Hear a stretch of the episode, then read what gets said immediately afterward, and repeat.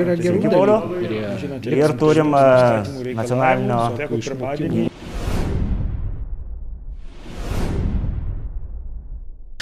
Tai sveiki visi, šiandien toliau tęsim neredaguotą pokalbius ir šiandien pratesim savaitės, e, sakykime, tokią bendrą temų e, ciklą. Ir šiandien pasišnekėsim apie vieną iš tų sudedamųjų dalių, dėl ko matyti irgi pavasario Seimo sesijoje kils e, tam tikrų kovų, nes tai yra susiję ir su kitom temom, kurias šią savaitę aptarėm. Ir šiandien pakalbėsim kuo skiriasi dvi savokos, e, dvi koncepcijos iš tikrųjų, kurios e, iš šono žiūrint turėtų būti kaip ir sinonimai, bet pasirodo tokiais nėra. Tai pakalbėsim, kuo skiriasi lytinis švietimas nuo lytinio ūkdymo ir temoje aptarti pasikvietėm ekspertus, kelis ekspertus ir pradėsim nuo ponios Birutės Obelienės. Tai laba diena, Birutė. Labą dieną.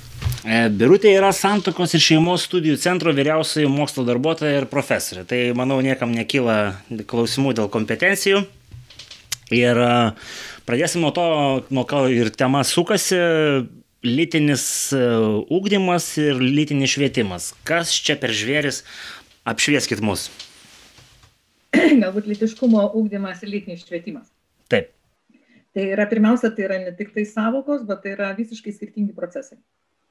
E, skirtingi procesai, kurie e, stovi ant visiškai skirtingų antropologinių pagrindų ir turi visiškai skirtingus tikslus, turinį ir, ir, ir absoliučiai siekia skirtingų rezultatų. E, kodėl jie yra spainojami, aš manau, kad yra daroma samoningai, bet iš kitos pusės tai yra todėl, kad yra vertimas iš anglų kalbos, e, sexuality education ir verčiasi lytiškumo ūkdymas, lytinis švietimas į anglų kalbą verčiasi lygiai taip pat. E, tačiau mūsų kalba, matyti, yra turtingesnė negu, lietuvių, negu anglų kalba ir mes turėtumėm šitos dalykus labai griežtai skirti. Taigi, pirmiausia, lytiškumo ūkdymas, kuo jisai, kuo jis yra grįstas ir kaip, kaip jį atskirti nuo lytinio švietimo.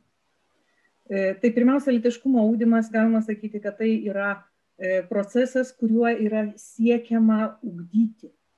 O lytinis švietimas, kuriuo siekiama šviesti. Taigi, lytinis švietimas visų pirma nieko neugdo. Jisai šviečia. Tai yra suteikia tam tikrų žinių. Ir kaip žinot, žinios tai yra e, ne visada yra, su žiniom gali ir užmušti. Jeigu pasakysi ne laiku ir ne vietoj. Tai čia yra šitie, žiniasklaido šitie dalykai yra tikrai žinomi. Tai lygiai taip pat lytiniam švietimui. E, lytiškumo ūkdymas yra tikrai ūkdymas ir jame yra vertybinis komponentas, ko nėra lytinėme švietime. Čia kalbant apie du procesus - lytinį švietimą ir, lytinį, ir, ir, ir švietimą ir ūkdymą kaip po tokį. Nes švietimas yra žinių perdavimas, ūkdymas yra, e, kaip Šalkauskas mūsų pedagogikos klasikas įsireiškia, ūkdymas yra jaunuomenės brandinimas savarankiškam gyvenimui. Brandus žmogus, o brandus žmogus tai pirmiausia gebantis mylėti. Ir meilę mes suprantam kaip gebėjimą atiduoti save. Gyventi dėl kito, o ne imti kitą ir naudoti dėl savęs. Tai, e, tai kad yra skirtingi procesai, e, skirtingų siekinių jie siekia. Pirmiausia, lytiškumo ūkdymas siekia atsisakyti rizikingo lytinio elgesio atsisakyti dėl didesnio gėrio, dėl tam, kad žmogus galėtų subręsti kaip geras vynas. Ar ne, jisai turi būti išlaikytas, jisai turi būti brandus. Ir tam, kad būtų tas didesnis gėris, tai kad jisai galėtų užmėgsti ilgalaikius darnius santykius ir sukurti funkcionalią šeimą. Funkcionalią šeimą, dar kartoju, dar nefunkcionalią šeimą. Lytinis švietimas nesiekia šitų tikslų. Lytinis švietimas siekia e, sumažinti rizikingo lytinio elgesio pasiekmes. Sumažinti, tai yra žalos mažinimo strategija. Ir žalos mažinime visur įvardinami trys dalykai. Neštumai, lytiškai plintančios lygos, žifrat. Tai, žiūrėkit, pirmasis blogis. Neštumas yra sutapatinamas su lytiškai plintančiom lygom. Ir mes puikiai žinom, kad moteris yra neščia ne pagaliu, ne nemalka, bet moteris yra neščia vaiku. Ir visur lytinėme švietime yra nepaprastai e, paplitusi ta tokia neigiama pozicija neštumo atžvilgiu. Visą laiką sakoma, nenorimas, e, vengtinas, nepageidautinas neštumas. Ir mes padarėm tokį vadovėlių vertinimą ir pažiūrėjom, kaip mūsų biologijos vadovėliuose kalbama apie neštumą. Tai visur tik tai, netgi labiausiai, kas, kas intrigavo, tai pasakyta, vaistai nuo neštumo. Apie kontraceptikus šnekant, vaistai nuo neštumo. Tai jau tikrai, kaip sakyt, pralinksino. Taigi, yra visiškai skirtingi dalykai. Ir kur, kur yra tas blogis, kad tai yra painiojama. Tai vat, pirmiausia, litiškumo ūkdymas, jisai visiškai turi kitą požiūrį į žmogų. Čia ne šiaip savo savokos, čia yra antropologinio demens savoka. E, todėl kad lytiškumo ugdymas žmogus yra suprantamas kaip, kaip vienovė kūno ir sielos, tai reiškia meilė, kaip dvasinis veiksmas ir prokreacija, gyvybės atsiradimas yra suprantamas vienovėje, jie yra net skiriami.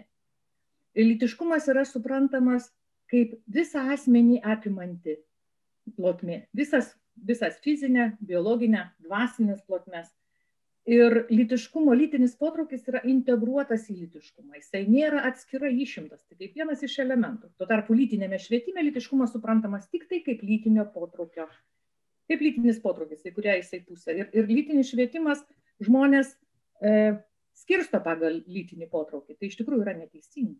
Neteisingai yra asmenys skirstyti pagal lytinį potraukį. E, kitas dalykas e, jeigu imti tokias e, per, per, per, turinio, per turininius dalykus e, ir sakyti, kad kaip, kaip suprantami e, turininiai dalykai, e, tai pirmiausiai lytiškumo ūkdyme žmogus suprantamas kaip laisvas ir protingas ir jisai gali valdyti lytinį potraukį. Ir valdyti tam, kad, kaip sakiau, subręstų kaip geras vynas, kad jisai galėtų pats save pasidovanoti, jisai galėtų pats save turėti, jisai galėtų pats save valdyti, būti pats save šeimininkas. Tam jam reikia subręsti. E, lytinis švietimas sako a priori, kad vaikas negali valdyti lytinio potraukio, už tai mes jam duokim kontraceptikus. E, vaikas turi patirti lytinį malonumą, nes tai yra jo teisė. Tai yra lytiniam švietime, taip sakoma. Lytiškumo ūkdyme apie lytinį potraukį yra sakoma, kad tai yra generacinė galia. Generatyvumas tai yra tėviškumo ir motiniškumo galia, tada galinti padaryti tave tėvų ir motiną. Tai yra didžiulė galia žmoguje, kurią reikia išmokti valdyti. Ir lytinis potraukis skiriasi nuo lytinio impulso, nuo lytinio, nuo, nuo lytinio instinkto, taip kaip yra gamtoje. Žmogus skiriasi nuo, nuo visų kitų, kur, visos kitos gyvosios gamtos, nuo, nuo skiriasi nuo gyvulio, nes jisai pats gali valdyti lytinį potraukį. Ir tą daryti reikia išmokti. Lytinis švietimas net nesiuošia mokinti, kaip valdyti lytinį potraukį. A kam? Nereikia jo valdyti Jeigu tu turi patirti lytinį malonumą for fun, tau tai reikia turėti prezervatyvų. Kam tau reikia valdytis? Nereikia. Nes lytinis potraukis, lytinis malonumas yra tavo seksualinė teisė. Ir dabar šitą paskutinio lytinio švietimo, kurį išleido UNESCO, taip ir vadinasi, e, techninės visa, vis, vis, visa apimančio lytinio švietimo gairės. Tai pagrindiniai dalykai yra lytinis malonumas ir susitarimas consent, reiškia kaip vat, susi, sutikti, sutikimas, ar ne, lytiniam e, malonumui patirti. E, kitas dalykas, e, jeigu sakysim, žmogus, lytiškumo ūkdyme žmogus turi, kaip sakiau, subręsti kaip, kaip geras vynas ir integruoti lytinį potraukį į meilę, nes meilė yra suprantama kaip savęs atidavimas, dovanojimasis. Tai meilė lytinėme švietime suprantama kaip psichoseksualinis malonumas tai yra tiktai psichobiologiniam lygmenį. Apie dvasinį lygmenį ten niekas nekalba. Tai va, jeigu taip pasakyti, taip kaip vaizdžiai, kaip sakytų jaunimas, ar ne, e, tarkim, e, žmogaus supratime lytiškumo ūkdyme, žmogus yra trimatėje dimensijoje. Tai yra ir fizinis, ir, ir psichinis, ir dvasinis. Ir žmogus yra transcendentali būtybė. O lytinėme švedime tai yra tik tai 2D dimensija. Ilgis plotis, Tai yra visiškai, e, žmogus yra redukuotas e, truputėlį daugiau nei paprastas gyvulys. Truputėlį daugiau, toks psichobiologinis konstruktas, socialinis. E, tai iš tikrųjų sako, kad, kad kuo kaltina mus, kad lytinis, jūs sako, su savo lytiškumo ugdymu esate tamsuoliai, nesirimet mokslu, tai mokslo nepagrysta, va štai pavyzdžiui, pasaulinės sveikatos organizacijos gairė sako štai taip ir anaip, kad tai yra reiškia, e, reikia mokinti vaikus masturbuotis ir taip toliau, kad tai to, tokie reiškia sudėta netgi gairėse, nu kiek tai metų tas turi būti daroma. Lytiškumo ūkdyme labai aiškiai pasakyta, lytinis potraukis yra skirtas dviem, nes tai yra generacinė galia žmogaus. O generacinė galia yra e, homo sapiens rūšės galia. Tai yra skirta dauginimuisi ir skirta dviems. E, vadinasi, apie ją mes galim kalbėti tik tai egzistencinės filosofijos, suprasti ją visiškai. Tai nėra, jinai labai skiriasi nuo e, asmens poreikio. Rūšės, rūšės poreikis skiriasi gerokai nuo asmens poreikio. Tai nėra gyvybiškai būtina asmenį. Sakysim, asmens poreikiai gyvybiškai tai yra e, valgymas, gėrimas, ar ne? Kiek galima badauti 40 dienų, negersi 3 dienas, atsidursi reanimacijoje. Žinokit, dar nei vieno nebuvo reanimacijų, kuris atsidurtų nuo lytinės abstinencijos. Bent medicina tokių dalykų nežino, kad reikėtų žmogų reanimuoti dėl to. E, taigi, įvaldyti ir tai ir yra žmogaus brandumas, nes jeigu, kai sakė Verdėjevas, jeigu tu nevaldai savo lytinio potraukio, tu nevaldai nieko. E, taigi, turim du dalykus E, kaip, kaip, kaip, mus, kaip mus kaltina ar ne, kad, kad tai yra nesiremia mokslu, mokslas čia suprantamas tik tai kaip gamtamokslis. E, tai reikia pasakyti įdomų dalyką, kad lytinį švietimo, lytinio švietimo propaguotojai ar apologetai yra dažniausiai tai yra medikai. Dažniausiai medikai. E, bet sveikatos sistema, kaip žinote, neturi tikslo augdyti. Jų tikslas yra sveikatinti. Ūkdo švietimo sistema, ugdo pedagogai. Ir vaiką tu gali, gal, galbūt gali pagydyti su, su paskaičiavęs kūno svorį, antibiotiko dozę, tačiau be etikos, pedagogikos tu negalėsi jį išugdyti. Tai e, aš nesakau, kad lytinio švietimo neturi būti iš viso. Tai yra, e, turi būti labai aiškiai parinkta, kur jisai turi būti, koks jisai turi būti čia kaip su skiepais. Dozuoti, dozuoti, nes ne, perdozuosi bus blogai. Tai vadinasi, e, jeigu lytinis švietimas yra suaugusiam jokių tabų. Nuo 18 metų lytinis švietimas gali būti pilnai. Kitaip sakant, lytiškumo ūkdymas rengimas šeimai. Mokykloje tai yra pirminė prevencija, pedagoginė prevencija. Lytinis švietimas gali būti sveikatos įstaigose, ir individualiai tam, kam jo reikia. Kam jo reikia. Tai yra paaugliams, kurie, kurie, kurie pradėjo lytinį gyvenimą, kurie galbūt neturi, ne, aplinkybių yra įvairiausių. E, taigi tai yra e, sveikatos, sveikatos mokslo dalykas ir, ir, ir, ir, ir kitas dalykas, kuris dar yra e, ir kurį labai reikėtų atkreipti dėmesį, kas jį propaguoja - lytinį švietimą. Lytinį švietimą propaguoja taip vadinama planuotos tėvystės federacija. Tarptautinė planuotos tėvystės federacija, kuri pasaulyje jinai yra lytinio švietimo madas diktuoja. E, rašo programas, rašo e, įvairiausias pateikia vadovėlius, metodinės rekomendacijas, jų yra labai daug. Ir lytinio švietimo šaka Lietuvoje yra planuoto šeimos planavimo seksualinės sveikatos asociacija. Tai reikia turėti galvoje, kad šita šeimos planavimo seksualinės sveikatos asociacija, kaip ir visa planuotos tėvystės federacija, jie taip pat yra e, socialinių prezervatyvų rinkodaros e, marketingo atstovės.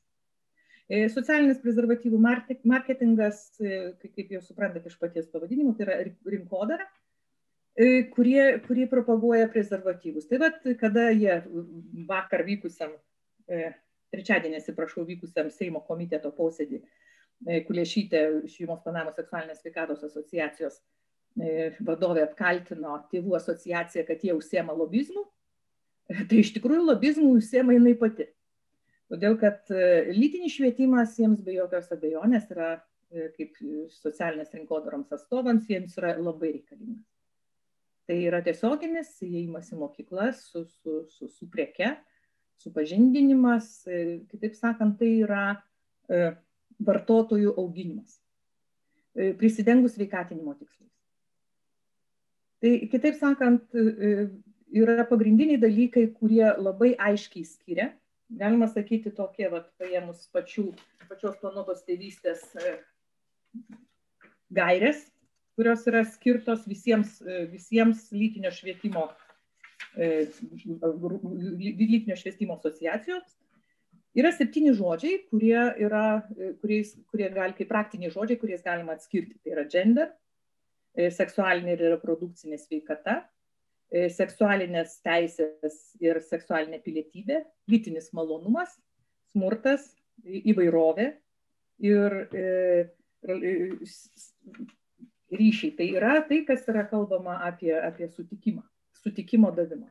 Kitaip sakant, lytiniams e, santykiams nėra jokių apribojimų lytinėme švietime, e, amžiaus apribojimų nėra, e, lyties apribojimo nėra. Vienintelis apribojimas tai turi būti laisvo susitarimo pagrindu ir naudojant prezervatyvus, kad išvengti pasiekmių. Kai tuo tarpu litiškume ūkdyme sakoma, pagrindinis dalykas tai yra valia, valios ūkdymas, pagarbos tarp vyro, vaikino ir merginos, tarp vyro ir moters ūkdymas. Pirmiausia, pagarbių santykių. O pagarba kas yra pagarba? Pagarba yra tai, kad aš priimu tave tokį, koks tu esi. Vadinasi, pažinimas. Pirmiausia yra pažinimas, nes tam, kad priimti kitą toks, koks jis yra, reikia jį pažinti.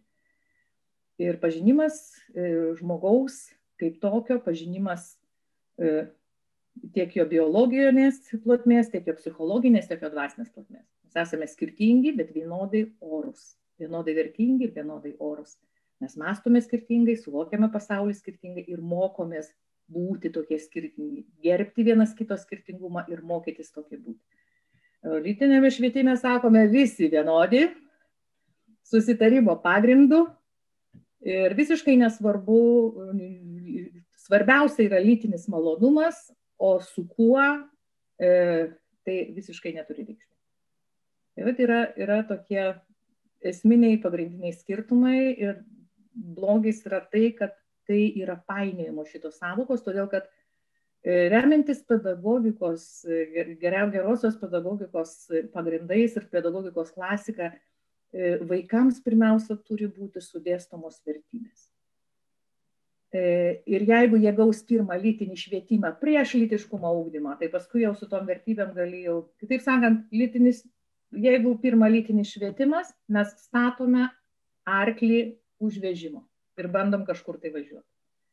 Tai tikrai ne. Pirmiausia, tai yra, tai yra tam tikri dėsniai, vaiko augimo dėsniai, pirmiausia, vertybės, lytiškumo ūkdymas, kuris pradedamas šeimoje lytinių auklėjimų, tai yra valia. Ir yra tokia pasaka net, ar ne, kad e, visi žinom tas pasakas apie Jurgį ir drakoną, kada drakonas pavogė princesę, o Jurgis e, karžygys su, su, su šarvais, kalavijų ir arkliu, jisai išvaduoja ją. Taigi princesė yra nemirtinga mūsų siela, drakonas yra nepažabota lytinė energija, karžygys yra valia, šarvai, kardas, arklys, ant kurio jisai sėdi, tai yra pažabota lytinė energija. Ir jisai nugali drakoną ir išvaduoja princesę. Tai čia šitoj pasakoj yra viskas pasakyta. Nu, nepaleistų to drakono, kol dar nemokai sėdėti ant žirgo. Tai, Birutė, klaus, klausant jūsų, vat, kyla keletą klausimų, į kuriuos matyt reiktų atsakyti. Čia dabar labai madinga yra kalbėti apie socialinės lytis, tos vadinamosius genderius. Tai aš kaip ir iš konteksto jau ir suprantu, bet vis tiek matyt verta pasiaiškinti ką vat santokos ir šeimos studijų centras ir, ir, pats tas litiškumo ūkdymo konceptas galvoja apie socialinės lytis. Apšvieskit mus. E, mes galim pasakyti, nu, gal pirmiausia pradėti truputėlį iš, iš, iš toliau. Tai yra e, feminizmo klasikė Simone de Beauvoir. Jinai sako, e, ir, reiškia, savo antroji lytis, jinai rašo, kad e, e, vyrai, vyra, vyra, vyras padalino pasaulį į dvi dalis. Tai yra kultūra gamta, visuomenis gyvenimas, šeimos gyvenimas. Tai feminizmas paėmė ir padalino lytį kaip atsaką į dvi dalis - į biologinę lytį ir socialinę lytį. Ir kad moterimi negimstama, o moterimi tampama. Taigi šiuo atveju feminizmas nuėjo vyriško mąstymo keliu. Tai vyrui būdingas analitinis mąstymas, struktūruotas mąstymas, skaidantis, suskaido į dalis, o moteriai yra būdingas bendrinantis Taigi moteris feministės vietoj to, kad sujungtų, ką vyras, mas, vyro mąstymas suskaidė, tai paėmė dar padalino. Tai ir, ir, ir, ir tas pasakymas, kad moterimi negimstama, bet moterimi tampama, tai iškraipimas visiškos tiesos. Jeigu tu negimsi mergaitė, tai tu moterim gyvenime netapsi. E, procesas, kada lytinis identitetas yra iš tikrųjų procesas, moterimi iš tikrųjų tampama, bet prieš tai mergaitė gimstama, lygiai taip pat kaip ir berniuku gimstama ir vyrų tampama. Tai ir, ir galime žiūrėti į lytiškumą, galima matuoti, pirmiausia, tai reikėtų pasakyti, kad lyties nėra be esmens. Jūs matėt kur nors lyti vieną vaikščiojant gatve? Jūs matėt arba vyrą, arba moterį. Arba nežinot kokie asmenį, nes nežinot, kas ne, negalite apibūdinti kokia jo lytis. Bet tai yra asmuo. Ir kada socialinis konstruktyvizmas arba postmodernistinė ideologija, postmodernistinė pasaulyje žiūra, galima sakyti, daro perversmą, e, revoliuciją tam tikrą, bet keisdama savokas. Tai yra kalba, pakeičiant kalbą. Ir e, lytiškumas, tapimas lytiškai identišku, iš tikrųjų yra procesas. Ir mes galime žiūrėti į socialinę plotmę, galime kalbėti apie lyties vaidmenis, galime kalbėti apie mamos vaidmenis, tėvo vaidmenis, apie tėvo statusą ir visus kitus dalykus, e, kaip sakyti, iš socialinės plotmės, bet tai mes negalim kalbėti apie socialinę lytį kaip po tokią.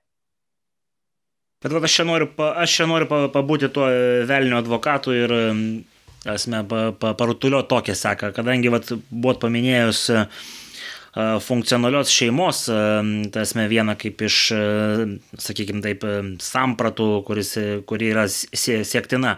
Bet tai, kas buvo anksčiau funkcionali šeima, tai nu, iš principo valstybė saugojo šeimą kaip tam tikrą reprodukcinį vienetą, be kurio be kurio nebuvo iš principo galima jokiai valstybei, prasme, gyvuoti ir, ir, ir, ir kaip ir neprarasti savo populiacijos.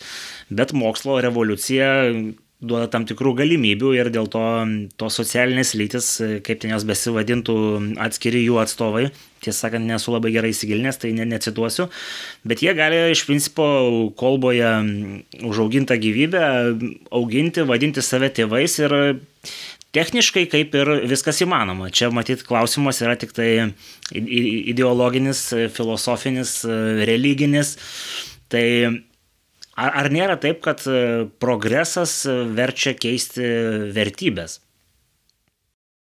Ne, šiuo atveju mes kalbam apie dalykai, kurie yra amžinos vertybės ir tam postmodernistiniam socialiniam mokslui, kuris sako, socialiniam konstruktyvizmui yra nedaugiau 70 metų.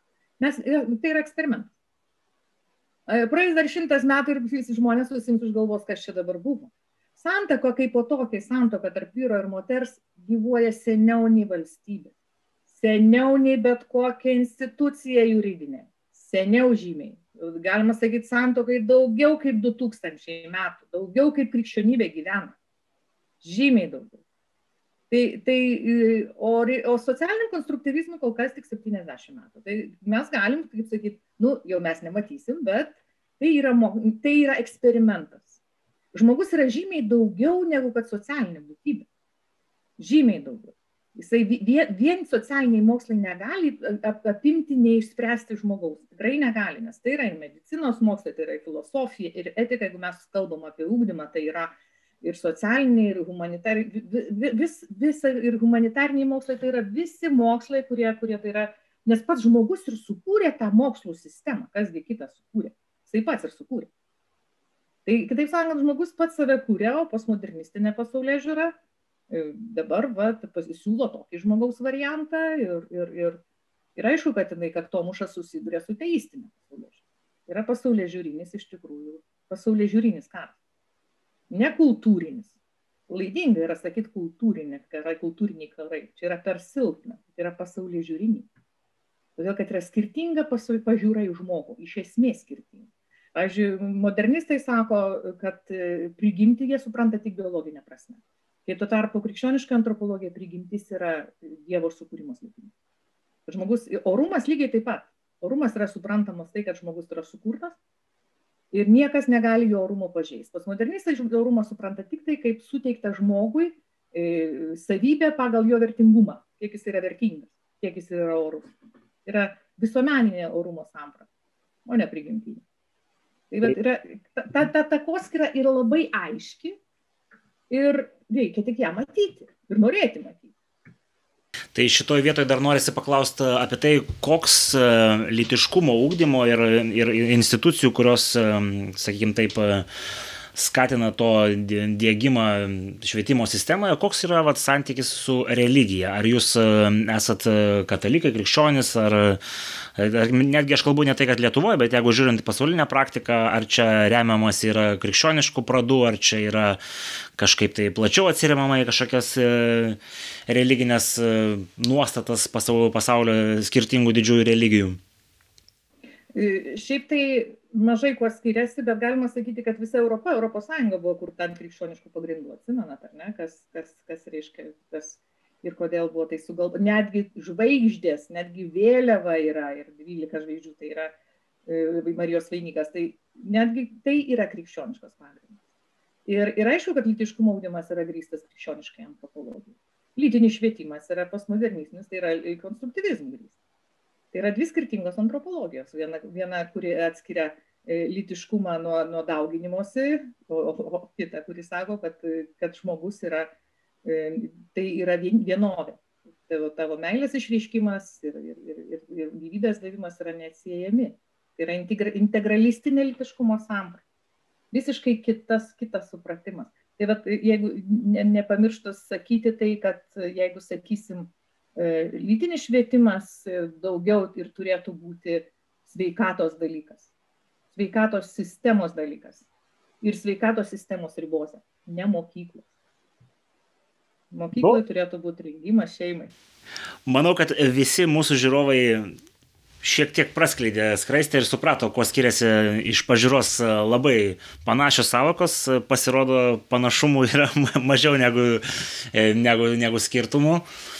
Tai dėkui, Birutė, už tai, kad pristatėt temos esmę. Dabar pabandysim pakalbinti kitą ekspertą. E, pakalbinsim Martiną Asakavičių. Sveiki, Martinai. Sveiki. E, Martinas yra jaunimo litiškumo ūkdymo įrengimo šeimai programos Pažink save veiklos koordinatorius, kuris, kaip suprantu, praktiškai prisiliečia prie šitos e, programos e, įgyvendinimo. Tai Martinai, papasakokit apie jūsų veiklą, apie tai, su kokiais sunkumais susidurėt ir kaip tai atrodo praktikoje. Tai šiaip labai džiaugiuosi, kad galiu dalyvauti šitam pokalbį, nes tema labai aktuali šiandien ir labai svarbi, man asmeniškai labai rūpinti, tai ačiū už pakvietimą ir, ir kartais e, negaliu taip ramiai kalbėti šitom temom, nes jos man tikrai skauda ir labai svarbios. E, dėl to, jeigu kažkaip mintys šokinės ar, ar nesistemingai, nerišliai kalbėsiu, tai iš karto atsiprašau. Pratesiant e, profesorės Birutės mintis, lytinis švietimas su lytiškumo ūkdymu labai skiriasi. Ir šiai dienai Lietuvos mokyklose veikia tiek vienos, tiek kitos pakraipos idėjas nesančios, nešančios organizacijos. Reiktų neapsigauti ir suprasti vieną dalyką. Lytinio švietimo atstovai niekada neprisistato kaip lytinio švietimo atstovai. Šią dieną yra tokia situacija. Ir jie deklaruoja, jog yra lytiškumo ūkdymo ekspertai Tai kaip juos atpažinti lengviausia, tai pagal jų programų turinį pagal deklaruojamas vertybės, tai ką prieš tai gerbiama Birutė akcentavo, tai pasigilinus jų, jų nešamą žinutės galima atpažinti, kas jie yra iš tikrųjų. Tai, va, tai tuo e, ir kitas dalykas, jie kalbėdami apie save labai dažnai mėtosi. Tai prisistato kaip lytinio švietimo atstovai, tai kaip lytiškumo ugdymo atstovai. E, tokio sistemingo e, kalbėjimo ir nėra. Tai vad, o šiaip um, dalykas, tą, ką jie daro mokyklose, yra labai pavojingas. Ir aš sutinku, kad ta informacija, kurią neša lydinis švietimas, nėra bloga iš esmės, bet jinai turi būti savalaikė. Ir jeigu jinai bus nešama netinkamu laiku, netinkamoje vietoje, gali pridaryti labai daug žalos.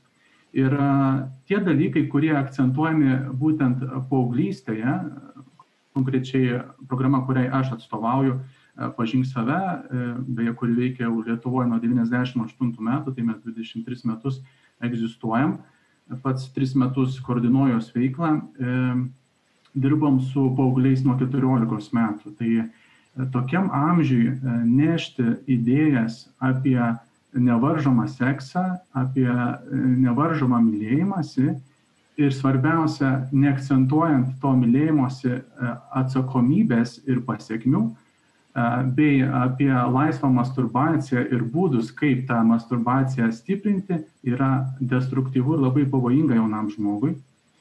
Bėda tame, kad šiandieniniam jaunimui, su kuriuo asmeniškai aš per šitus kelis metus susidūriau labai plačiai, veikiausiai jau netoli šimto paskaitų esu vedęs įvairiose Lietuvos mokyklose ir, ir su keliais tūkstančiais paauglių esu akis į akį susidūręs situacija yra tokia, kad jiems nereikia kalbėti apie mylėjimąsi, jiems reikia kalbėti apie mylėjimą. Visų pirma, mylėjimą savęs, mylėjimą kito, esančio šalia pagarbiai ir mylėjimą visos aplinkos. Tai yra čia svarbiausi dalykai. Nes visi tie dalykai, ką neša ypatingai lytinis švietimas, gali pridaryti labai daug žalos ir žaizdų ir jau taip dažnai žaizduotose e, paauglių širdyse. Dažnas paauglys realiai e, šiai dienai, neabsoliutinu, tikrai ne visi, bet dažnas paauglys, ką aš pats pastebiu, e, labai kenčia nuo vienišumo, labai kenčia nuo tikrumo nebuvimo savo gyvenime, nuo artumo nebuvimo, nuo meilės trūkumo. Ir jis nesąmoningai, jausdamas tą didelę tuštumą ir trūkumą savo širdyje, bando tai kompensuoti. Ir ta kompensacija vyksta labai įvairiais būdais. Tai ir ankstyvos, ankstyvos romantinės draugystės, ankstyvi lytiniai santykiai, alkoholis, kitos svaiginamos medžiagos, įvairūs preparatai, socialiniai tinklai, kas dabar yra labai populiaru, ne? E, ieškoma įvairių būdų, kaip užpildyti tą vidinę tuštumą, kuri yra atsiradusi. E, tai čia vėlgi galėtumėm kalbėti atskirai, dėl ko jinai atsiranda, e, atskira tema praktiškai. Bet su tokiais, su tokioj fazėje, kada paaugliai yra tikrai išgyvena jautrų laikotarpį, ir aplamai paauglystė yra jautrus laikotarpis, kada vyksta organizme ne tik hormonų kokteiliai, bet ir emocijų kokteiliai, reikia labai atsargiai ir jautriai su jais bendrauti. Ir įvairūs pareiškimai gali padaryti e, daug žalos, kurią paskui bus sudėtinga atstatyti. Tai tokie dalykai. Ir mūsų pagrindinis e, tikslas ir noras - priversti paauglius mąstyti, e, priversti paauglius atpažinti savo būsenas, priversti, galbūt netinkamas žodis priversti, galbūt palydėti ir padėti jiems tuos dalykus daryti palydėti į tą savęs geresnį pažinimą, e, kadangi uh, nesiremti ir nedaryti sprendimų vien paremtų emocijomis, kas atrodo lengviausia ir kas dažniausiai gaunasi. Ir kai, kurie, kai kurios suinteresuotos šalis būtent tą ir skatina, kad paaugliai sprendimus primėtų emocijomis. Ir tuo labiau uždegdami žalę šviestą tam tikriems dalykams, kas natūralu, kad paauglystė yra smalsu ir įdomu, kaip kalbant apie tą patį seksą, E, daro labai didelį poveikį.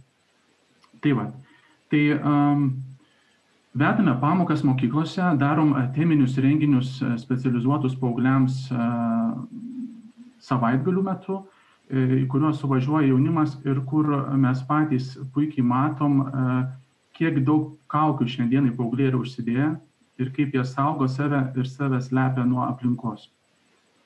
Ir tai rodo jų didelį labai sužeistumą Ir, ir, ir vėlgi, norint tą sužeistumą gydyti, kaip jau prieš tai minėjau, reiktų dėmesį telkti į asmenį, į jo vidinius dalykus, neperšant jam kažkokių, žinot, išsvajotų intimumų ir panašiai, nuo jo ūkdymo, kaip po asmens ūkdymo. Lytiškumo ūkdymas prasideda ne nuo sekso, bet nuo asmens ūkdymo.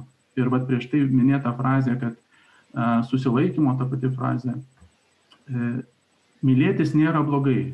Mes e, visi esam turbūt e, suprantam, kad mylėjimasis yra gerai, kada jis yra savalaikis. Bet susilaikymas taip pat turi būti savalaikis. Ir, um, ir susilaikymas kalbu ne tik apie lytinius santykius, bet aplamai apie susilaikymo ūkdymą įvairiose srityse Ir jeigu tėvai padarys gerus pamatus, o tarp kitko, jau užsimenant apie tėvus, jie ir daro pagrindinius pamatus. Jie ir deda pagrindinius pamatus uh, lytiškumo auklėjime mažam ankstyvam amžiui, kada paskui paaugliai gali ateiti į paauglystę jau turėdami tvirtą stuburą ir, ir, ir, ir tvirtą imunitetą. Realiai tokios programos kaip mūsų turėtų būti kaip vakcinuotojai, kurie duodam vakcinas, kad sustiprinti tą imunitetą turimą. Bet šiai dienai mes nesam tie vakcinuotojai, o mes esam pirmos pagalbos gydytojai, kurie turim padėti kenčiantiem paaugliam.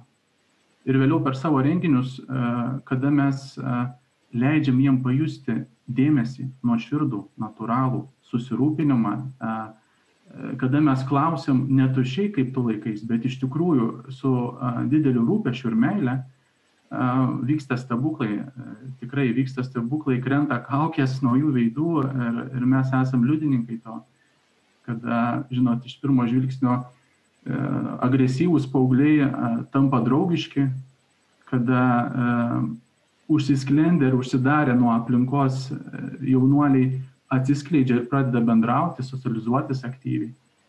Tai tiesiog dalykai, mato, čia labai yra plati ilga tema, tai galbūt galima liesti kažkokius kelis aspektus svarbius ir atrodo tiek daug visų galvoja tos informacijos, kur, kur nežinau net apie ką tiksliai dabar reiktų kalbėti. Tai iš tikrųjų norisi paklausyti, kad buvo keletą momentų, kurie leidžia daryti tokią išvadą, kad šio laikiniai paaugliai ar, ar paaugliai visada, čia galbūt jūs patikslinsit iš savo statistikos, jie jau yra kažkaip tai buvo minimas žodis sužeisti. Tai ar mes turėtume suvokti, kad vertybės šių laikų šeimose nėra skiepijamos, ar čia kažkas kitos lepiasi po šitą savoką? Um į tą pusę, į tą pusę keliaujat, didžiausią esminį vaidmenį turi tėvai. Ir kalbant apie vaikų ūkdymą, bendrąjį vaikų ūkdymą, į kurį eina ir lytiškumas, juo, juo pagrindus deda tėvai. Ir jie yra pagrindiniai šito proceso veikiai. Negali būti niekaip atitraukti nuo to ir jie pirmi žmonės, kurie įdeda į tai savo, uh, savo atžalas. Ir, uh, ir paaugliai, kurie uh, neturi gero santykio, gero ryšio su tėvais, kurių auklėjimų tėvai, uh, kurio auklėjimų, auklėjimų tėvai neskiria pakankamai dėmesio, uh, jie turi daugiau emocinių, uh, emocinių problemų, turi daugiau emocinių sužeistumų. Uh, ir jie atsineša, mano prieš tai minėtą, meilės, dėmesio, artumo trūkumą į paauglystę, tą trūkumą, kuris turėjo būti užpildytas vaikystėje, kada turėjo būti iš tėvų meilė maksimali, dėmesys, artumas. Jie dažnai atsineša tą į paauglystę. Dėl ko tai atsitinka, e, tai čia yra priežasčių įvairiausių. Ne? Turim didelius skirybus e, skaičius, kada e, vaikai auga su vienu iš tėvų, kartais e, auga iš vis be tėvų, seneliai augina. E, turim atvejus, kada turi abu tėvus, bet tėvai nepakankamai skiria daug dėmesio e, vaikams, nes, pavyzdžiui, panėrė į savo reikalus, darbus, planšetės savo asmeninės, duodami vaikams kitas savo planšetės jų individualias, ne? Aišku, nereikia kaltinti tėvų. Tėvai, ne vieni tėvai turbūt nėra tobuli tie paaugliai, su kuriais jūs dirbat, reaguoja į, į, į tą prieimą, pokalbius, e, užsiemimus, kai galbūt e, tokio tipo pokalbių ir bendravimo yra nu, neišsiugdę. Kokios būna reakcijos ir kaip jūs, kaip jūs su jais, e, kaip jūs dylinat, kaip pasakytų mūsų tarptautinis žodynas su tokia reakcija. Paaugliai labai greitai atpažįsta ir, ir keurai mato iš tikrųjų. Ir kai tu nueini į, į klases, e, jie labai greit e, tave įvertina, greitai pamato, ko tu čia atėjai ir su kokiam intencijom tu atėjai. Tai mums sekasi su jais bendrauti, kadangi mes visada ateinam atvirom širdim ir labai nuoširdžiai siekdami jiems padėti. E, jie, aišku, pradžio, kaip prieš tai minėjau, labai atsargiai tai žiūri, nes nėra prie to įpratę kad kažkas nuoširdžiai jais rūpintųsi ir kažką norėtų čia dabar gero pasakyti. ne, nesiekdami savo naudos. Ne. Tai, um, tai pradžioj būna toksai labai, um, toksai momentas pradžioj toks pereinamojo laikotarpio, kada jie įvertina tave ir tada vyksta lūžis pasitikėjimo, kada pradeda atsiverdinėti. Ir tikrai pradeda labai svarbus momentas, kad mes siekiam uh, išgirsti juos. Uh, siekiam savo metodiko, litiško mūkdymo, mes siekiam juos išgirsti. Uh, kad jie sakytų mums, ne mes jiem kažką bandytumėm programuoti ar kažką jūs su jais daryti, ne? bet kad jie išgirstų ir į jų tą pasakymą mes galėtumėm atliepti. Tai čia yra svarbiausias dalykas. E, tai va, tai mums tas dalykas sekasi, mums tas dalykas sekasi ir e, pradžiai tokia būna ir visada, aišku, natūralu, kada į mokyklą ateina e, žmogus galbūt nematytas, minimaliai įtampa, kas yra natūralu. Dažniausiai po tų paskaitų mūsų būna labai šilti atsisveikinimai, kartais net ir pasibaigiantys plojimais ir dar kažko, tai čia mums didelis džiaugsmas ir motivacija dirbant. Tai va, e, dėl tėvų, prieš tai, kur kalbėjom, jeigu galima, aš pabaigsiu tiesiog mintį, tada nutruko mūsų pokalbis, tai dėl to tėvų auklėjimo. Tai nereikia e, tėvų kažkaip nurašyti, smerkti. E, kaip minėjau, nesame visi tobuli ir visi darom klaidų. Tačiau reiktų domėtis, domėtis litiškumu, domėtis, domėtis tą informaciją, kuri yra. Ir nepasikliauti aklai pasaulio sveikatos ar organizacijos ar UNESCO rekomendacijom, ane, bet savo e, kritiškų mąstymų atsirinkti medžiagą. Atsirinkti medžiagą, kurios yra mokslinės pakankamai. Ir kalbu ne apie kažkokius blefinius influencerių tyrimus, kurie neegzistuoja, bet apie realią, realią mokslinę medžiagą, literatūrą. Tai jos yra apšiai. Tai tiesiog reikia to domėtis. O jeigu e, kiti domėtis pritingi, nu, tai tada esame mes, kurie galim padėti. Tai va čia norisi dar paklausti, kai jūs kalbat, jūs, o šitie specialistai, kurie ateina kalbėti su, su, su, jau, su jaunimu, jūs dažniausiai būnat su pedagoginiu kažkokiu tai mm, backgroundu, ar, ar, ar psichologai, ar, ar čia iš tikrųjų yra kažkokie kursai, Koks, koks yra tas pasirengimas, kas yra tas specialistas, kuris ateina vat, kalbėti su, su jaunimu? E, mūsų žmonės būna e, perėję kvalifi, kvalifikacinius e, kursus specialiai tam. Tai yra litiškumo ūkdymo, rengimai šeimai. Turim pedagoginių, psichologinių žinių kvalifikacinius pažinėjimus išduotus tam tikrų įstaigų, kurie rodo mūsų mūsų e, gebėjimus, e, mūsų žinias ir e, oficialiai mums leidžia vykdyti neformalų, neformalų į ūkdymą. Tai va, o mūsų tas išsilavinimo backgroundas, kaip jūs minėjote angliškai, tai yra labai įvairus. Turim ir medikų savo komandai, medicinos studentų rezidentų, turim ir akušerių, gynekologų, turim ir psichologų, turim labai įvairių žmonių komandą, kuri, kuri yra mūsų stiprybė. O kaip e, mokyklos reaguoja į jūs? Ar, ar jūs įsileidžia, ar patiriat kažkokių gal e, vietos pasaulyje stum, stumdynių su lytinio švietimo specialistais, e, kai konkuruojat dėl, dėl kažkokių mokyklų ar, ar, nežinau, miestų ar teritorijų?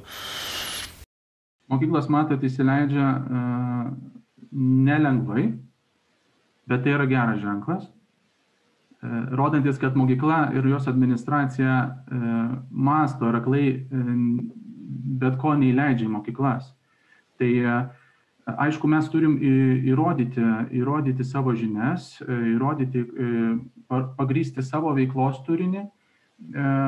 Ir šiai dienai, kadangi mes veikiam jau ne pirmus metus, mes turim susiformavę apie savo įvaizdį, turim daug rekomendacijų kurių pagalba mokyklos tarpusai vėlgi bendrauja, keičiasi informacija. E, mes turim savo, savo vardą, kuris mums leidžia e, pakankamai nesunkiai patekti į mokyklas. O kaip e, šitiegi švietimo specialistai, ar, ar, ar, ar nebando konkuruoti ir, ir, ir, nežinau, kažkaip tai išstumti jūs iš tos nišos, nes matyt vis tiek yra kažkoks finansavimo klausimas ir tie dalykai, kurie nu, labai žemiški. Žinokit, aš pasakysiu atvirai, e, e, asmeniškai aš intensyviai dirbu šitoj srity jau trys metai, tai e, lytiškumo, tai tokie stiprus oponentai lytiš, lytinio švietimo atsirado turbūt prieš kokį pusmetį, kur labai pradėjo aiškiai ir stipriai reikštis. Ir man tai siejasi, aš labai nemėgstu politikuoti, bet man tai siejasi su pasikeičiančia mūsų politinė aplinka. Ir kažkaip pasidarė, dabar, aš žinau, kad jie veikia, aš žinau, kad veikia tam tikros organizacijos, e, nežinau, ar verta jas minėti, bet Galit, galit paminėti, manau, kad visiems įdomu, kas, kas tos pagrindinės lobuojančios, va ten, kai buvo, dar iš tikrųjų nepaklausiau birutės, bet manau, gal klausimas ir jums tiktų, kai buvo kalbama, kad ateina kaip lobistai, žodžiu, tos planinės tėvystės federacijos atstovai, o, o, o ko, kokį lobistinį interesą, žodžiu, jūsų, jūsų organizacijų visuma, žodžiu, turi?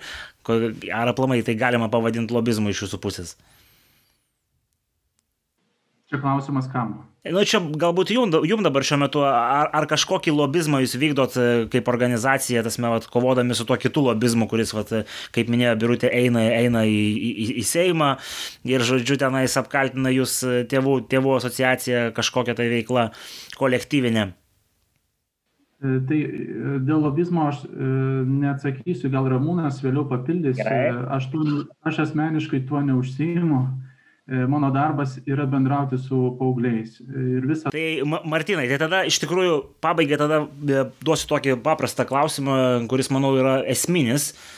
Kokios vat yra, jeigu taip e, žiūrint į šiuolaikinius jaunuolius, jeigu pavardint galima, nežinau, dvi, tris, keturias pagrindinės jų psichologinės problemos, su, su, kurios vat skatina, kaip tiek jūs, tiek Birutė minėjo, pasinerti į tos alternatyvius dalykus, e, kurie tokiam amžiui galbūt, e, sakykime, dar ankstyvi yra ir, ir taip savo žaizdas ar skaudulius užpildyti. Tai kokios tos yra psichologinės problemos, su, su kuriuom jie susiduria? Tai aš jau prieš tai minėjau, e, prieš tai minėjau, kad didelis tikro dėmesio prieimimo ir meilės trūkumas. To nuoširdaus tikro dėmesio prieimimo ir meilės trūkumas ir jie realiai nežino, kas yra tikra meilė. Mes turim pasakoti, kas tai yra meilė, ką reiškia mylėti save, ką reiškia mylėti kitą. Kad tai nėra vien jausmas, kad tai yra e, labai daug veiksmo tame, įsipareigojimo ir visų kitų dalykų. Tai turbūt tokie dalykai yra esminiai šiai dienai. Tokie e, grįžimas atgal į pamatinės vertybės, kurios mano supratimu yra labai svarbios ir be kurių uh, kurias išėmus, iš kurių, kurių rėmose mes šiandien gyvenam, čia būtų milžinis chaosas, kuris neaišku, kuo baigsis. Bet aš dabar klausau ir galvoju, mano, mano mokyklos laikais tai šitos dalykus e, mes gaudavom per etikos ir tikybos pamokas. Ar tokių dalykų dabar nebeegzistuoja, ar tiesiog jie užsiema kitų turinių? Negaliu atsakyti, negaliu atsakyti. Mano laikais tai mes e, gaudom ne per etiką ir ne per tikybą, bet gaudom per savęs ten kažkaip, savęs pažinimo, kažkas ten, kažkokios būdavo pamokos. Jau net nepamenu, turėjom tokias knygutės berniukam ir mergaitėms skirtas, kurios, kur, kur gavom paaugliukai, dar ten mums viskas labai jokinga būdavo ir panašiai. Tai, tai va, tai Tai kaip dabar vykdomas ūkdymo procesas, tai vėl aš, aš nesu šitos ryties specialistas, galbūt ponė Birutė galėtų dar tiksliau pasakyti. Jo, tai manau, jeigu mes į ūkdymo procesą įleisim, tai gausim e, astronomiškai ilgą laiką. Ir e, ne dėl to, kad laiko nebūtų, bet e, taip jau yra, kad žiūrovai nemėgsta labai ilgų laidų, tą, tą sako statistika. Tai bet kokiu atveju, Martinai, aš manau, kad apšvietėt ir papasakojot, kas yra praktiškai tas elitinio ūkdymo užsiemimai ir, ir, ir, ir kokios problemos. Tai pabandysim dabar pratęsti pokalbį. Kalbėsim su teisininku Ramūnu Aušrotu, jeigu teisingai kirčiuoju. Ir e, su Ramūnu pabandysim e, pradėti pokalbį nuo to, koks e, tėvų vaidmuo šitame litiškumo švietime ir, ir, ir, ir kodėl litinis švietimas nedraugiškas tėvams ir kodėl, su kokiam problemom litiškumo ūkdymo kontekste susidurėma integruojant tėvus. Tai Ramūnai, eteris jūsų.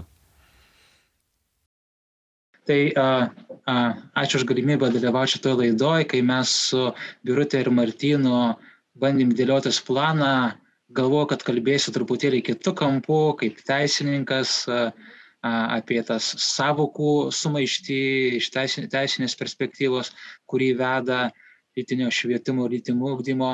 Bet galiausiai gavosi taip, kad man tenka kalbėti labai svarbių aspektų, tai yra tėvų tėvų vaidmuo.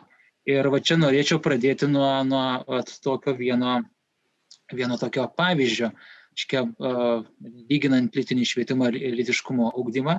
Uh, tai uh, mūsų oponentai taip labai, uh, reiškia, draugiškai mus yra pakrikštyje kopūstų vaikais, o jie patys yra ne kopūstų vaikai.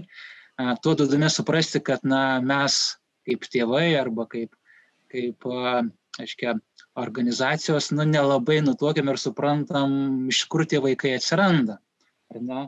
Tai a, iš tikrųjų a, klausimas iš tikrųjų, kas iš tikrųjų žino, kas nežino, ka, iš kur atsiranda vaikai. A, ir čia tik klausimas nebe juokų, ar ne, nes a, vat, šiuo metu yra ir Lietuvoje prancūzų kino festivalėje rodomas filmas Milžiniška.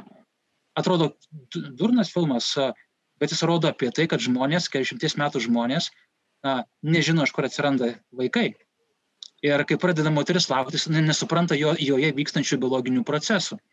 Ir vyras, kuris turi, norėjo vaikų ir netyčia, kaip sakant, suorganizavo a, a, pradėjimą, ar ne, jis to dalyko naudojasi. Tai tokia kvaila iš tikrųjų prancūziška komedija, bet a, jinai truputį iškelia klausimą, jeigu mes litiškumo, litiškumo ugdymą kreipiam E, va, švietimo linkme ir, ir į akcentą dedam, kad pagrindinis tiklas yra malonumas.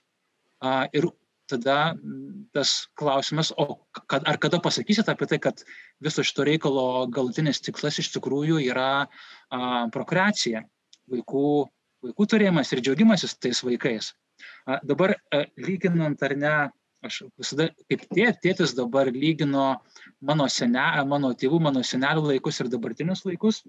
Tai a, tas, tas epitetas a, net kopūstų vaikai a, kalba apie tai, kad na, mūsų seneliai bet nieko ir tėvai nieko nežinojo apie tą na, mechaninį procesą, kaip vaikai atsiranda. A, ir dabar vat, jie bus apšviesti ir ta, šio laikiniai jauni a, tėvai tą dalyką žinos ir tai yra labai svarbu. Bet paradoksas, ar ne, kad a, neturėdami tų techninių žinių apie tai, kaip atsiranda vaikai iki smulkmenų, ne, jie puikiausiai buvo vaisingi ir turėjo didelės šeimas. O dabartinė karta, kuri labai gerai žino, kaip atsiranda vaikai ir kaip tai techniškai yra daroma ar atliekama, ar net tų vaikų nebeturi.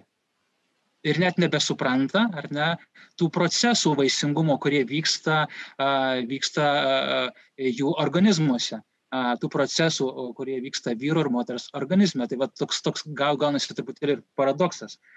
Mano tėvai, mano seneliai, ar ne, jie galbūt nežinojo tų techninių detalių, bet jie žinojo, ne, kaip, kas yra tinkama, teisinga ir dora. Ir tą dalyką bandė komunikuoti, kur galbūt jau buvo silpnoji vieta.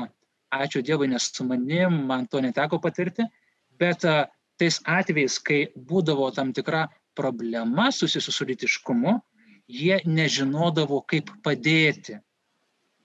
Va. O dabar mes turime situaciją, kad iš tikrųjų, va, kaip ir Martinas minėjo, jaunimas tikrai yra labai informuotas apie tos techninius dalykus ir apie tai daug kalbėti ir nereikia. Bet yra kita problema, nėra pasakoma, koks iš tikrųjų tas tikrasis arba galutinis tikslas yra. Ir kitas aspektas, na, ta problema, tos lytiškumo, tarkime, problemos ar, ar, ar lytinės tapatybės sutrikimas arba orientacijos dalykai, ar ne, nebėra laikomi problema, reiškia tada ir nėra kaip ir padėti. Tai toks paradoksas, mūsų seneliai būtų norėję padėti, bet nežinojo kaip, nes tos informacijos trūko, o dabar galėtų padėti, bet yra sakoma, kad tai nėra problema. Ir kad tai reikia priimti ir priimti pilnu tempu ir nekvestionuojant to dalyko. Tai va toks loginis paradoksas. O dar kalbant apie da, lytinį švietimą ir lytinį uh, lytiškumo ugdymą, tai ką tenka pastebėti iš, ir iš kitų tėvų girdėti, ar ne, vat tas tokį truputėlį skaidimą yra bandomas įnešti. Jeigu lytiškumo ugdymas sako, ar Martinas sakė tą dalyką, ar Birutė paminėjo, ar ne, kad pirmieji lytiškumo mokytojai yra tėvai ir kad lytiškumo ugdymas pradeda šeimoje, ankstyvoje vaikystėje. Ir tai yra vadinama e, lytiniu auklėjimu, kad yra tėvų pagrindinė funkcija ir atsakomybė. Tai vad lytinio švietimo atstovai šitoje vietoje truputį tokią labai e, nu, tokią nešvarę strategiją arba technologiją naudoja, ar ne, kuri iš tikrųjų ke, kelia pleištą tarp tėvų ir vaikų. Ir na, tenka tokių dalykų girdėti, na, na, tie tėvai yra pasenę, jie nenusimano, jie neišmano, mes juos apšviesime ir taip toliau, ir taip toliau, ir taip toliau. Tai iš vienos pusės tai yra netiškas dalykas, o iš kitos pusės, kaip sakiau, na, tikrai a, a, tėvai yra tie, jau kas kas, bet tėvai yra tie, kuriem, kuriems jų vaikai rūpi. Tai jeigu jiems rūpi šita lytiškumo sritis, jie tikrai investuoja. Ir aš pažįstu ne vieną, ne vieną šeimą, ne vieną tėtį ir mamą, kuri tikrai investuoja tam, kad jie pirmieji duotų tinkamus atsakymus į šituos lytiškumo augdymo procese iškylančius klausimus. Tai vat, vat, turbūt skiriasi va šitoje vietoje, na, labai irgi dar vienas kampas, kur mes galim atskirti konceptualiai prieigas lytiškumo ugdymo ir, ir lytinio švietimo. Lytinio švietimo specialistai nenorėtų, kad tėvai dalyvautų šitame procese. Tada klauskite, kodėl nenorėtų.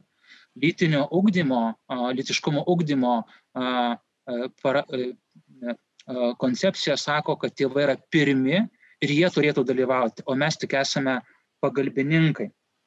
Dabar a, turbūt, ką tėvai gali duoti.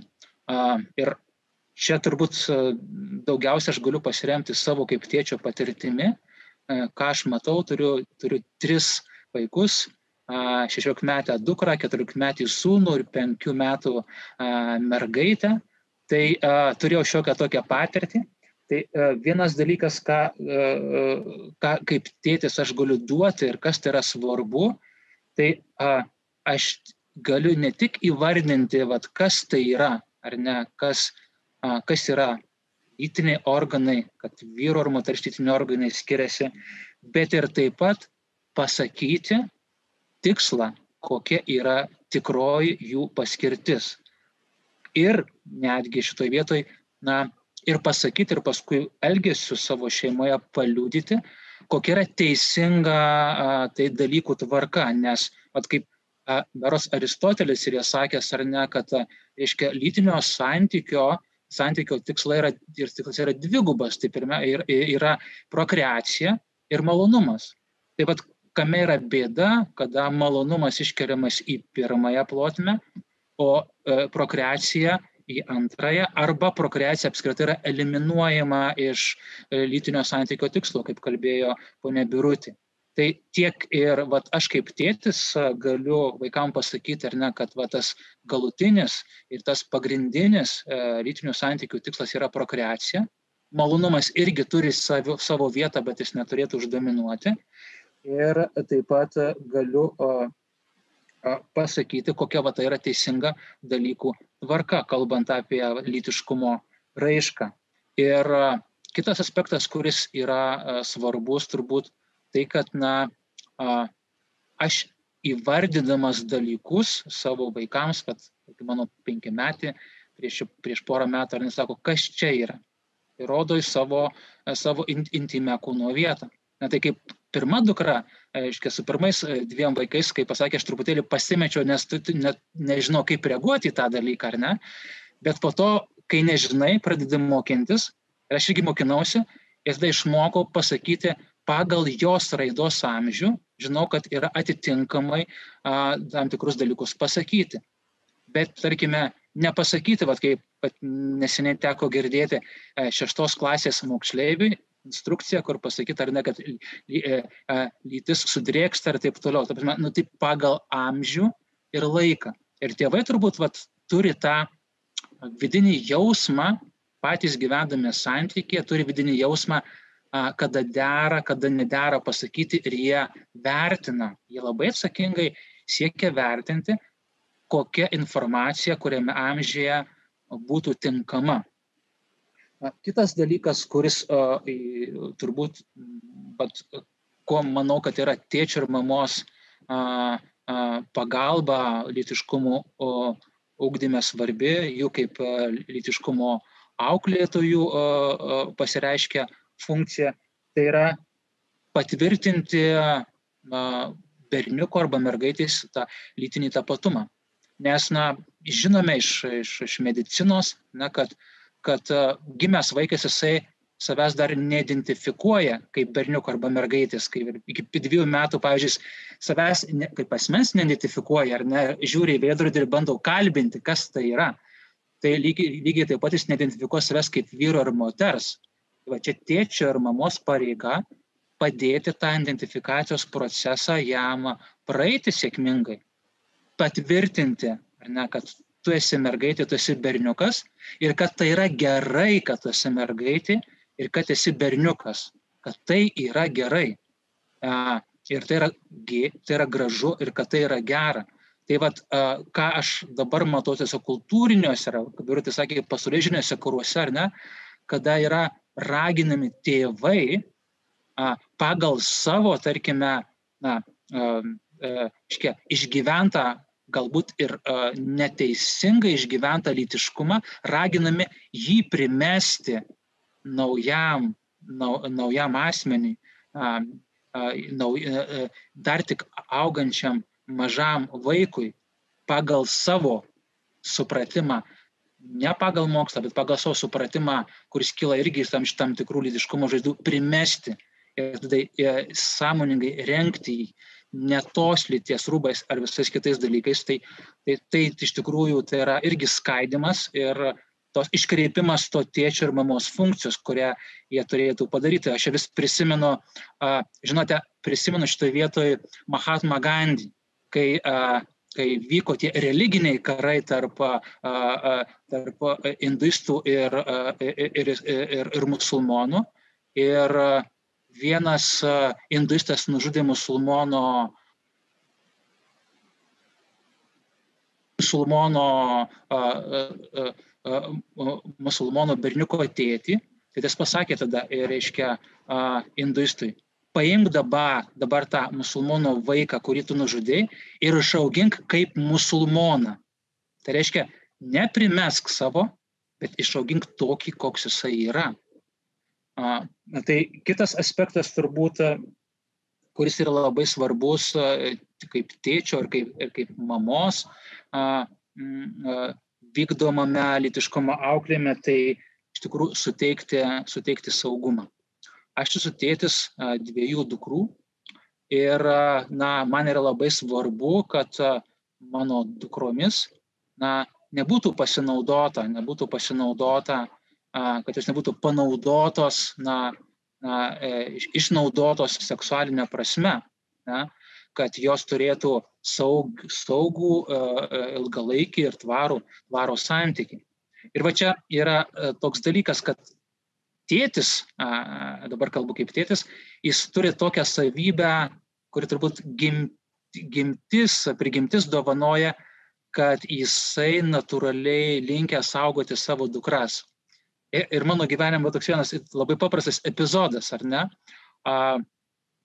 naudojamės, reiškia, mes vienu kompiuteriu ir, e, ir nebuvo išjungtas, e, neperjungtas buvo messengeris kito profilio.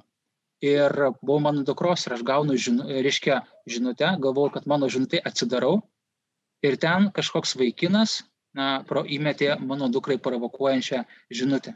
A, aš aišku labai supykau, a, ant to vaikino, kuris anonimės turbūt, nežinau, ar ne, gal pasikalbėsiu su, su dukra. Vat.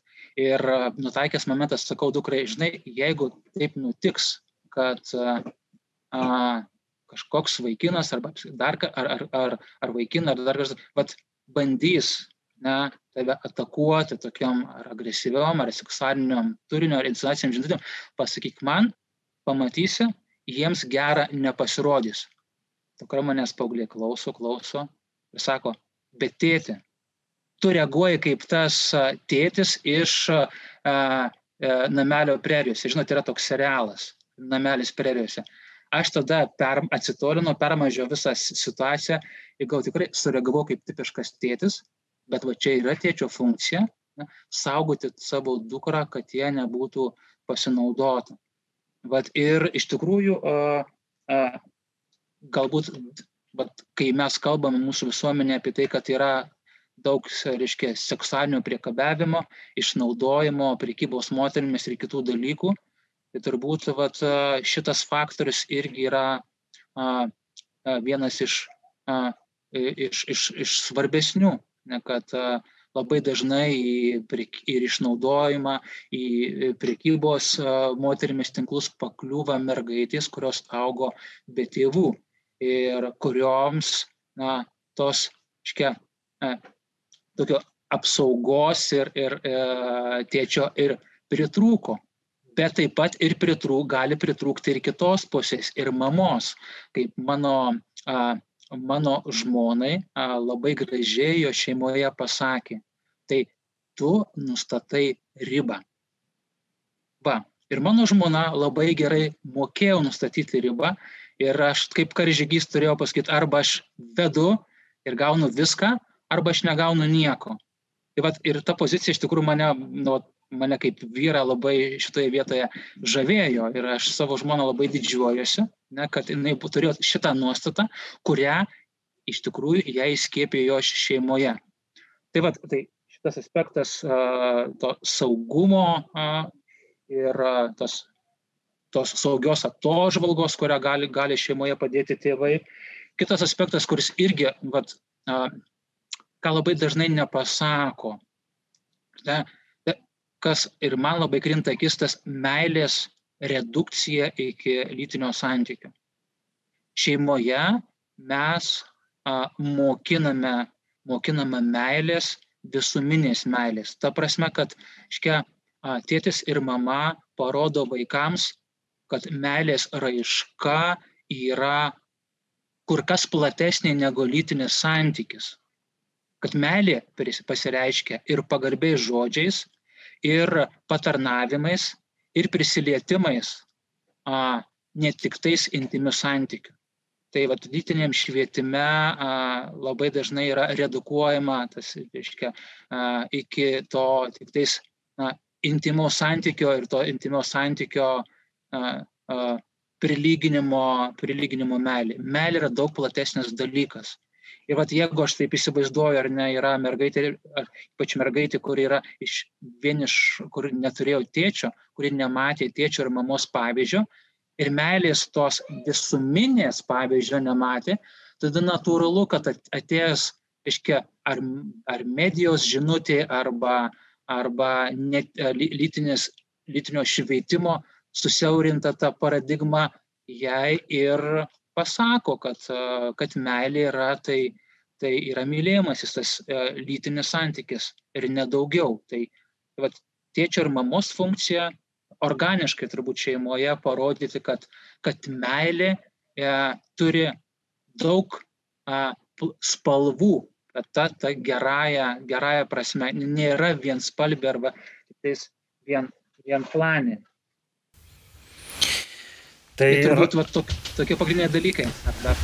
Taip, Ramūnai, manau, kad e, pakankamai aiškiai buvo suformuoluota mintis, kokia yra tėvų ir šeimos rolė litiškumo ūkdyme. Ir su jumis kaip teisininko, aišku, norisi pakalbėti ir apie, apie valstybės dedamąjį ir, ir, ir kaip valstybė turėtų reaguoti į, į šitos litiškumo ir, ir, ir lytinio švietimo takoskirinius dalykus ir, ir, ir ką turėtų remti.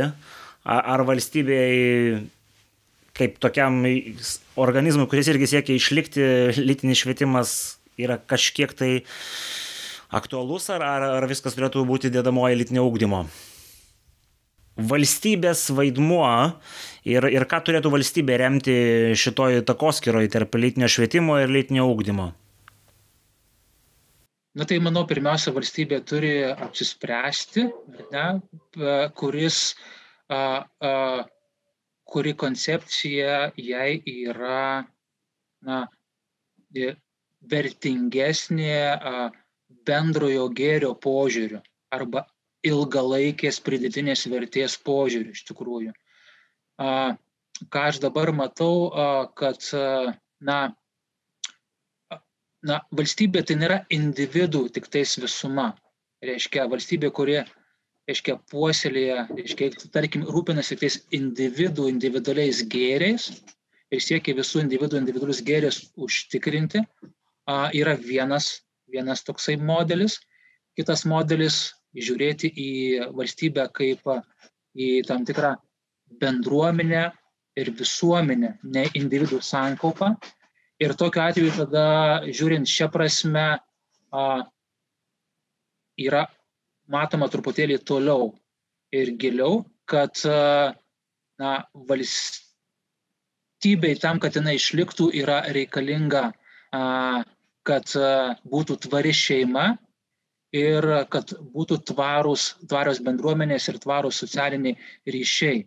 Tai toks individualinis požiūris, kad mes rūpinamės pavieniais individais, o jie kažkaip tarpusavyje kuria visuomenę, kuria šeimą, tai, na, jisai tikrų neveikia ir tikrai neveiks. Ir valstybė turėtų šitoje vietoje padėti būtent šeimai ir visuomeniai. Ir Na, man atrodo, kad reiktų turbūt dar paminėti tokį aspektą, kad, na, kaip man tenka domėtis to lytinio švietimo programomis ir konceptų, tai visgi jos yra per siauros. Jeigu taip realiai pažiūrėjus, tai jos daugiau rūpinasi, na, tų, reiškia, pažeidžiamų, sakykime, grupių arba mažumų įgalinimu bet pažeidžiamų grupių ir mažumų įgalinimas tai yra geras dalykas, bet nėra pagrindinis dalykas, e, e, lyt, reiškia, lytinio, lytiškumo ugdymo ir rengimo šeimai kontekste.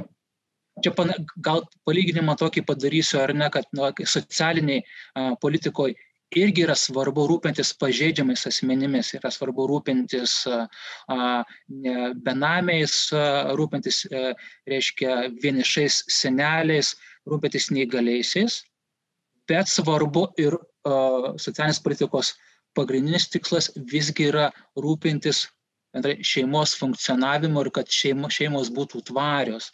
Tai lygiai taip pat ir pagal tą pačią analogiją ir, ir šitoj vietoj. Pagrindinis lytiškumo ugdymo ir rengimo šeimai tikslas yra padėti, mokinti, kurti tvarius ilgalaikius santykius, kurie padėtų turėti stabilias šeimas, kurios garantuos tada ir visuomenės, ir valstybės ateitį. Na, pykit, nepykit, bet taip jau yra. Pasme, na, ma, rūpinimasis mažomis, mažumomis, ar ne, tarkim, a, a, a, a, lytinėmis yra svarbu ir gerai, bet jis negarantuos visuomenės ir valstybės testinumo. Taigi, vat, šitoje vietoje tada tikrai gali komponuotis ir tai, pavyzdžiui, lytiškumo ugdymo rengimo šeimo programoje ta, tas, ta komponentė yra, a, gali, a, reiškia, pagarba a, a, a, a, asmenims, kurie turi kitokią a, lytinę orientaciją, šita dedamoji yra ir turi komponuotis, bet jinai negali užgošti ir tapti pagrindinę, kaip sakant, liniją lytiškumo ugdymo rengimo šeimai. Ne veltui yra lytiškumo ugdymas ir rengimas šeimai. Tai yra tam tikra integrali gyja, kuri, kuri aiškiai pabrėžia lytiškumo ugdymo tikslą. Tai Ramūnai, manau, kad visi, kurie ištvėrė ir išklausė mūsų iki galo, tikrai suprato, kad e, litiškumo ūkdymas yra viena, vienas iš visuomenės e, išlikimo garantų ir tuo pačiu valstybės. E, norisi šitokią maslę dedamąją, sakykime taip, pamastymų ir baigti, kad visi pamastytų, ar kas yra svarbiau ir ne, ne tik tai individualiam lygmenyje, bet ir, kaip minėjot, bendruomenių ir valstybės. Ir savo ruoštų noriu padėkoti visiems visiem dalyviam, matau dar e, birutė kelia ranką. Į, į, į klausimą tą, ką turėtų valstybė vykdyti, lytinį švietimą, lytiškumo ūkdymą ar lytinį švietimą. Jo, tai, tai prašom. Taip, iš tikrųjų, tai turi būti su, parinkta vieta ir laikas. E, abu du procesai yra reikalingi, bet mokykloje vienareikšmiškai. Tai yra lytiškumo ūkdymas rengimas šeimai. Kada mes kalbam todėl, kad e, vienas dalykas e, lytinio švietimo apologetai, jie manipuliuoja duomenimis. Jie sako, kad labai daug paauglių serga lytiškai plintančiam lygom, labai daug paauglių gimdo, labai daug ten taip toliau ir taip toliau. Taip nėra taip nėra čia nėra gal laiko šnekėti apie tuos duomenis bet tai yra duomenys yra pritempinėjami paauglės laikomos moterimis iki devyniolikos metų ir dažniausiai gimdo moterys devyniolikos metų.